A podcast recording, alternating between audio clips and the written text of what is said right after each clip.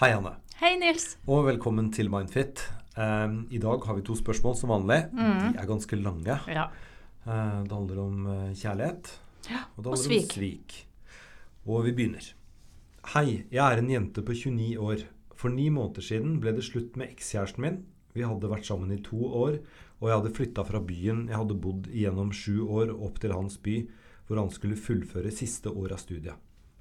Jeg var gravid med han da jeg flytta dit, men endte med å ta abort da han ikke følte seg klar. Vi hadde aldri brukt prevensjon, og jeg ble knust av at han ikke ønsket å beholde barnet. Han var legestudent og jeg sykepleier, så vi hadde kunnskap om prevensjon. Høsten gikk, og jeg følte meg svært deprimert etter aborten, samtidig usikker på hans egentlige følelser for meg. Han på sin side var stresset for eksamen som skulle være på våren. Etter massivt press fra mine foreldre som bekymret seg for meg, endte jeg opp med å flytte sørover igjen etter seks måneder til en ny by ikke langt unna hjemstedet mitt. Jeg kjøpte meg leilighet for å etablere meg på et vis og begynte å jobbe. Jeg kjente ingen der da, men ekskjæresten min skulle søke turnus der, og vi skulle liksom etablere oss der sammen. Utpå våren gjorde han det slutt med meg over telefonen. Han gikk raskt videre med nye jenter, mens jeg satt igjen med et sjokk. Slik er det enda. Jeg sliter med skyldfølelse for å ha flytta fra han, og jeg bærer et stort nag til foreldrene mine som jeg mener på en måte manipulerte meg til å flytte. De har alltid hatt sterke formeninger om mitt liv, og jeg har etter hvert hatt store problemer med å ta egne valg. Jeg jobbet hardt med å komme over tapet av ham, og jeg trodde, altså han jeg trodde skulle bli mannen i resten av mitt liv. Vi hadde store planer og snakket mye om fremtiden, noe jeg i ettertid tenker kanskje var mest ektefølt fra min side. Han er ambiøs, utadvendt og impulsiv og kommer fra en snill familie, men ifølge han selv har han problemer med å elske noen eller være i kontakt med følelsene sine. Jeg føler meg lurt, både med hensyn til at vi bevisst droppa prevensjon, jeg føler meg lurt i alle ordene han sa som ikke har gjenspeilet seg i handlinger, og jeg føler meg ufattelig såret over at han slo opp med meg over telefonen og lever tilsynelatende lykkelig videre uten meg. Familien til ekskjæresten min tar, fort, har, tar fortsatt mye kontakt, og jeg er redd jeg fornekter bruddet ved å leve videre som deres i hermetegn svigerdatter. Jeg innser at jeg må jobbe med meg selv og min egen selvtillit, evne til å ta valg og komme over tapet av han. Jeg syntes at min egen verden og det jeg har igjen uten han, er så ufattelig grå, og klarer ikke å ta inn over meg at vi mest sannsynlig aldri skal ses igjen. Hverdagen min består for det meste av en slitsom jobb, deretter mest alenetid hvor jeg går mye tur og trener. Jeg har fått et par nære venninner her, men ingen av dem kjenner til ham, og de rundt meg forventer nok at kjærlighetssorgen skulle ta slutt for lenge siden. Jeg føler meg utslitt, og at jeg går på autopilot, og med en katastrofefølelse om at livet mitt nå er en konsekvens av valg jeg ikke har tatt selv. Svært dårlig nattesøvn.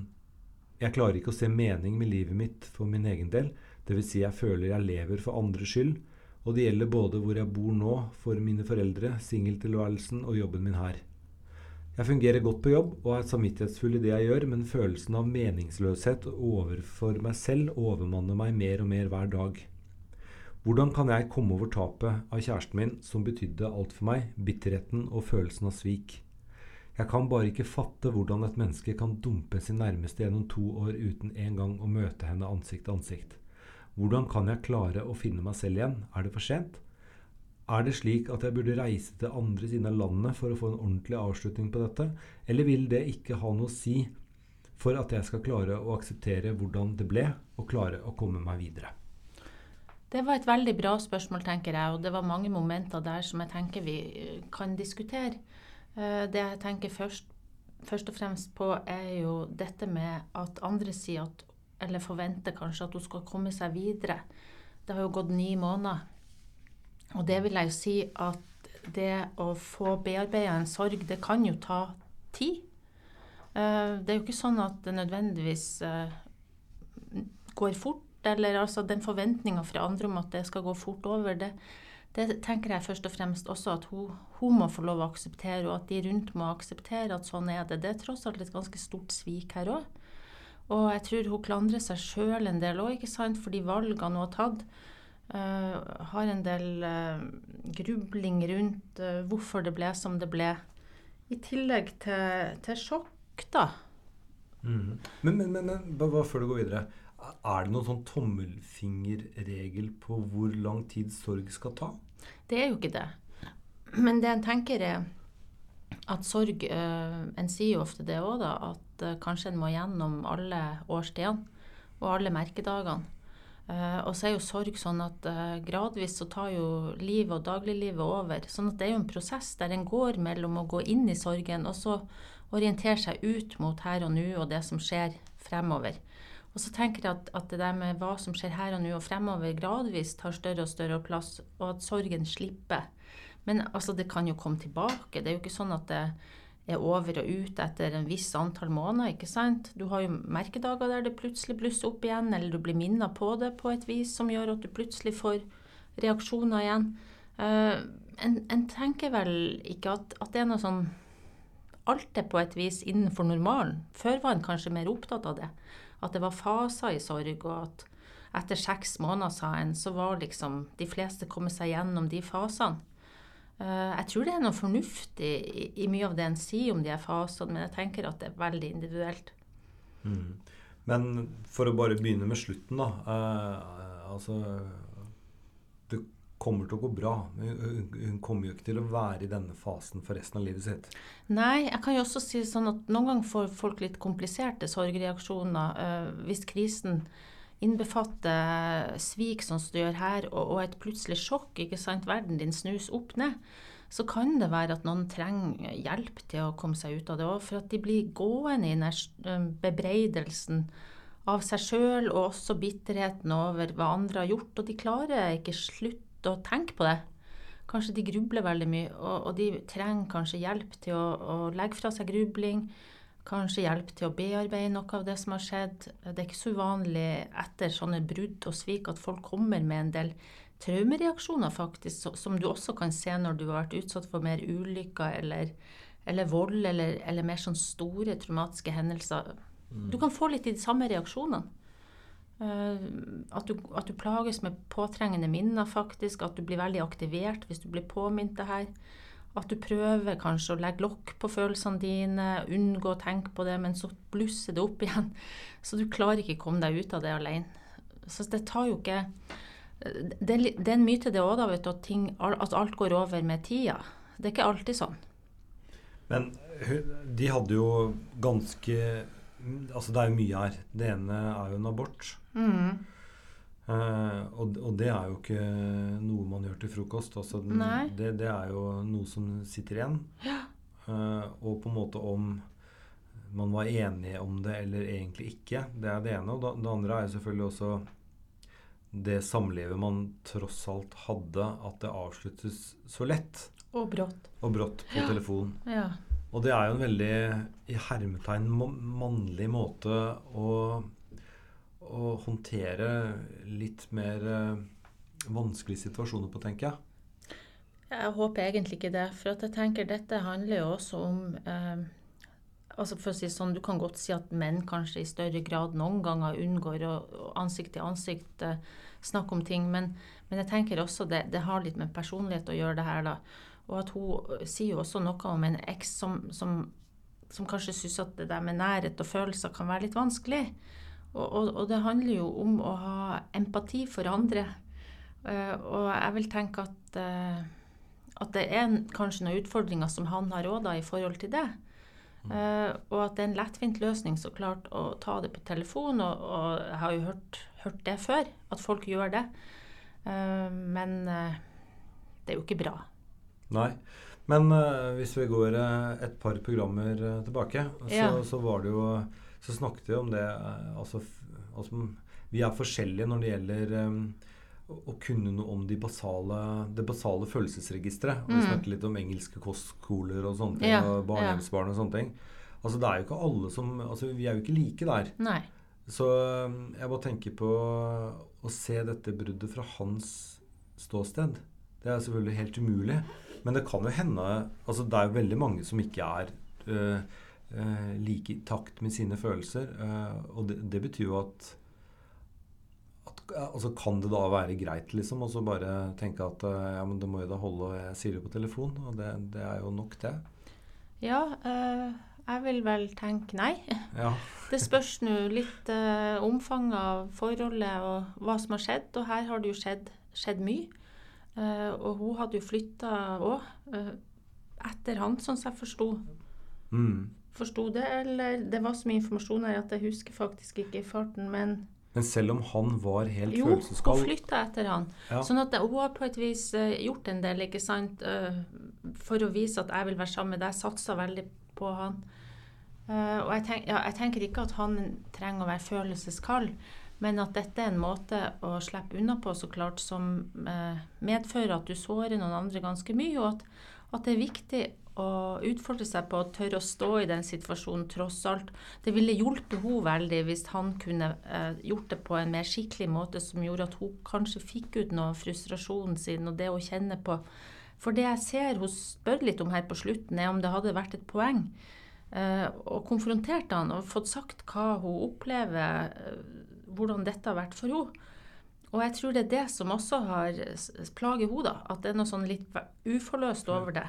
Men kan, kan det da være med på Altså igjen så har ikke denne sorgen vart så lenge at man kan klassifisere den som at man på en måte dyrker sorgen eller noe sånt. Vi snakket jo om at normal sorg skal gjennom fire årstider og sånne ting. Og, og, og dette hun har opplevd her, kan sammenlignes med et traume, fordi det var over lang tid. De involverte en abort. Man trodde liksom at man skulle liksom ha livet sammen, da. Mm.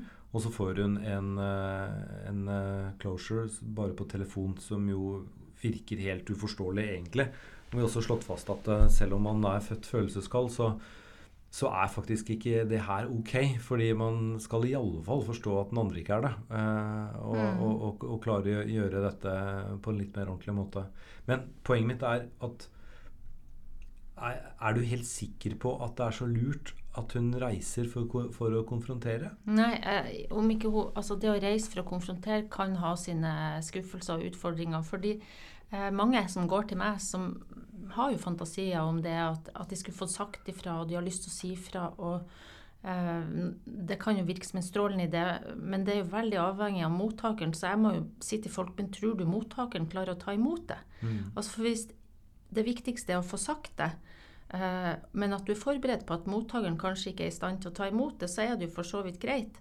Men, men, men hvis du også blir skuffa over den måten det blir tatt imot på, så kan det jo bli en ekstra belastning. Så, så dette er jo ikke sånn eh, veldig lett valg å ta. Jeg ville kanskje foreslått i første omgang å skrive ned hva du har opplevd. Få det ut i skriftlig form. Og så vurdere skal jeg sende brevet. For det er jo en måte, altså det å skrive ting er jo veldig terapeutisk. Det, det er jo I traumeterapi så, så har en snakka mye om at den måten å få bearbeida traumer på kan være veldig, veldig bra. Eh, Så jeg tenker det er jo uansett en, en viktig historie, for hun har jo skrevet den til oss, skrevet veldig langt. Og jeg tenker eh, sikkert en, en sånn god, god ting å gjøre.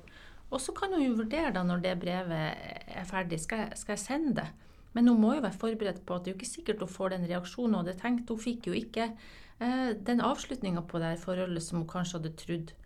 Hun hadde kanskje trodd at han ville gjort ting på en annen måte. Det kan være hun tenk, ikke kjente igjen han i den reaksjonsmåten heller. Men jeg, jeg tenker to ting. Det, det ene er at hun, hun skriver jo også noe om um, hennes da eks-svigerfamilie. Uh, hvis jeg finner det, så er det at de fortsatt tar ganske mye kontakt. Og at hun er redd for at eh, hun fornekter bruddet ved å leve videre som dere sier, hermetegn svigerdatter. Altså, her hører jeg liksom at man har en sånn eh, litt sånn negativ ryggsekk på. Fordi man kan også tenke at grunnen til at de tar kontakt, er det fordi at de har dårlig samvittighet på vegne av sønnen sin, og derfor prøver liksom å, å snakke med henne. Eller er det rett og slett fordi at de syns at hun er et vidunderlig menneske som de har lyst til å ha kontakt med. Jeg, jeg kan tenke meg det siste. Det tenker jeg også. Ja. Så, så, så det, det her bare forteller man noe om at hvis man er i sorgen og begynner å slure rundt, så blir det veldig fort en, en sånn negativ spiral som man kanskje ikke helt eh, klarer å komme ut av. Så jeg er egentlig veldig på, selv om det bare har vært ni eller ti måneder nå, kanskje på Jeg syns det er godt eh, råd å skrive brev, men jeg, ja, jeg hadde rett og slett bedt om litt hjelp, ja. For å få en, eh, en terapeut til å ja, altså bare hjelpe å sortere Ja, tankene, ja. rett og slett. Jeg, jeg, veldig, jeg tenker òg det at hun skriver noe her om at hun både kjenner seg deprimert, og at selvfølelsen har fått seg en knekk. Og det kan jo være at denne knekken er såpass stor, at, at, og nå har det gått ni måneder, at det er kanskje på tide å få seg hjelp òg. For jeg tenker det å, å kjenne at en har en verdi i seg sjøl, selv, selv om en er blitt sveket, det er jo viktig å få gjenoppretta opplevelsen av at jeg er bra som jeg er. Og det er jo ikke sikkert hun klarer det helt på egen hånd. Nei. Og så er vel følgende kanskje fattig trøst, da. Men uh, slik hun beskriver dette her, så høres jo ikke denne mannen ut som noe å satse på egentlig uh, i, i, det hele. Så det er nesten bra at det skjedde nå. Mm. Før ikke, de fikk barn? Og, ja, og, og, det er bedre at det skjer etter to år og ikke om fem. Ja, en fattig trøst, det kan du si. Men, men det kan jo være at, at, før eller siden ville denne mannen skuffa henne uansett, da. Uh, og at uh, kanskje når Kanskje hun òg kan komme til et punkt etter hvert der hun får avstand til det her og kjenner at, at nei, hun fortjener kanskje også bedre enn det her, hvis du skjønner. Mm. Mm. Men hennes spørsmål ja. er veldig bra formulert. Ja. Så skriv ned hva du vil si mm. til ham og vurdere i etterpå om det er noe som skal sendes, og om hun tror at uh, mottakeren egentlig vil få noe ut av det. Mm. Altså om mottakeren vil uh, reagere på en måte altså Hvis det blir en skuffende måte for henne, at hun er forberedt på å tåle det òg, hvis du skjønner. Mm. Kan jeg også si en ting til? Det høres ut som hun grubler en god del. Uh, over hvorfor det ble som det ble. Hvorfor ble, ble hun sånn svikta. Kanskje også har en del opplevelser av at hun må ha gjort noe galt. Det er viktig å ikke bruke tid på å hele tida. Det er noe hun kan gjøre sjøl. Prøv å legge grubling bort noen ganger. Jeg syns det er veldig positivt det å si om at hun går turer og trener og klarer å komme seg på jobb. Selv om det virker grått og trist nå, så er det å opprettholde de her rutinene noe av det som etter hvert kan føre til glede, kanskje. Mm. Fordi gjennom å opprettholde rutiner og gjøre ting, så kan det jo komme øyeblikk med glede etter hvert. Og at grubling som tar så stor plass, det er viktig å kanskje sette av tid til det, og ikke la det spre seg over hele døgnet. da. Ta litt mm. pause fra det. Det er lettere sagt enn gjort. Uh, men uh, det er òg en treningssak, faktisk. Spør seg sjøl litt trenger jeg å gruble på det her. Hvor lenge har jeg tenkt på det her? Det, finner jeg noe mer svar nå, eller går jeg bare den samme runden gang på gang, hvis du skjønner? Mm. Mm. Uh, da sier vi at det var svar på det. Ja. Vi skal eh, videre, og jeg leser. Hei, jeg er en kvinne som har vært med kjæresten min i ett år, og han har akkurat flyttet inn hos meg. Vi ønsker begge barn i nær fremtid. Jeg opplever at samboeren min viser litt i overkant selvhevdende atferd. Han har mye bekostningshumor og liker å tøye strikken når han tuller med meg. Han erter meg bl.a. for ting jeg gjør, ting jeg ikke får til, dialekten min og hvor jeg er fra. Jeg må ofte si, ofte si ifra når jeg syns eh, det er nok tull, men det er sjelden dette hjelper. Når vi diskuterer noe, er han bastant om sine egne meninger og nedlatende overfor meg. Han sukker når jeg sier noe, himler med øynene og sier ting som 'det mener du ikke', og 'du tuller nå', ikke sant? Både overfor meg og mine venner kan han være skrytende og ertende. Noe som eh, andre oppfatter som fornærmende. Når jeg forteller at jeg blir lei meg når sånne ting skjer, sier han unnskyld, men går også veldig i forsvar og sier at jeg tåler lite. Han sier han skal høre etter når jeg mener alvor og slutte å være nedlatende, men jeg har ikke sett noen endring. Jeg har hørt i tidligere forhold og av venner at jeg er tålmodig og tolerant, men jeg har utfordringer med å tolerere dette, selv om jeg elsker ham. Han får meg til å føle meg liten og ubrukelig, og jeg må bruke tid på å bygge meg opp igjen. Han sier at i hans familie erter de hverandre grovt for å teste hverandre, og at hans onkel gjorde dette ofte med han som barn for å herde ham, slik at han skulle tåle å bli ertet i fremtiden. Mitt spørsmål er hvordan kan jeg møte min samboers selvhevdende oppførsel, og bør ha barn herdes slik som beskrevet over, eller vil dette medføre stress? Ja, Hvis vi tar siste del av spørsmålet først, hvert fall, så vil jeg helt uh, jeg, jeg, mener ikke det er en god idé å herde barn gjennom å erte dem. Eh, det er eh, Barn er forskjellig i sårbarhet. Eh, det, det, viser ikke respekt for barn. Det er også sånn at barn tar med seg det her. Det blir en rollemodell. Sånn som for denne, altså hennes kjæreste, ja. Mm. Ikke sant? Han har tatt med seg det her som en sånn rollemodell, og så viderefører han det og tenker at, at dette, dette, er noe han skal fortsette med. ikke sant? Eh, men du tar en veldig stor risk hvis du utsetter barn for sånne ting som det her.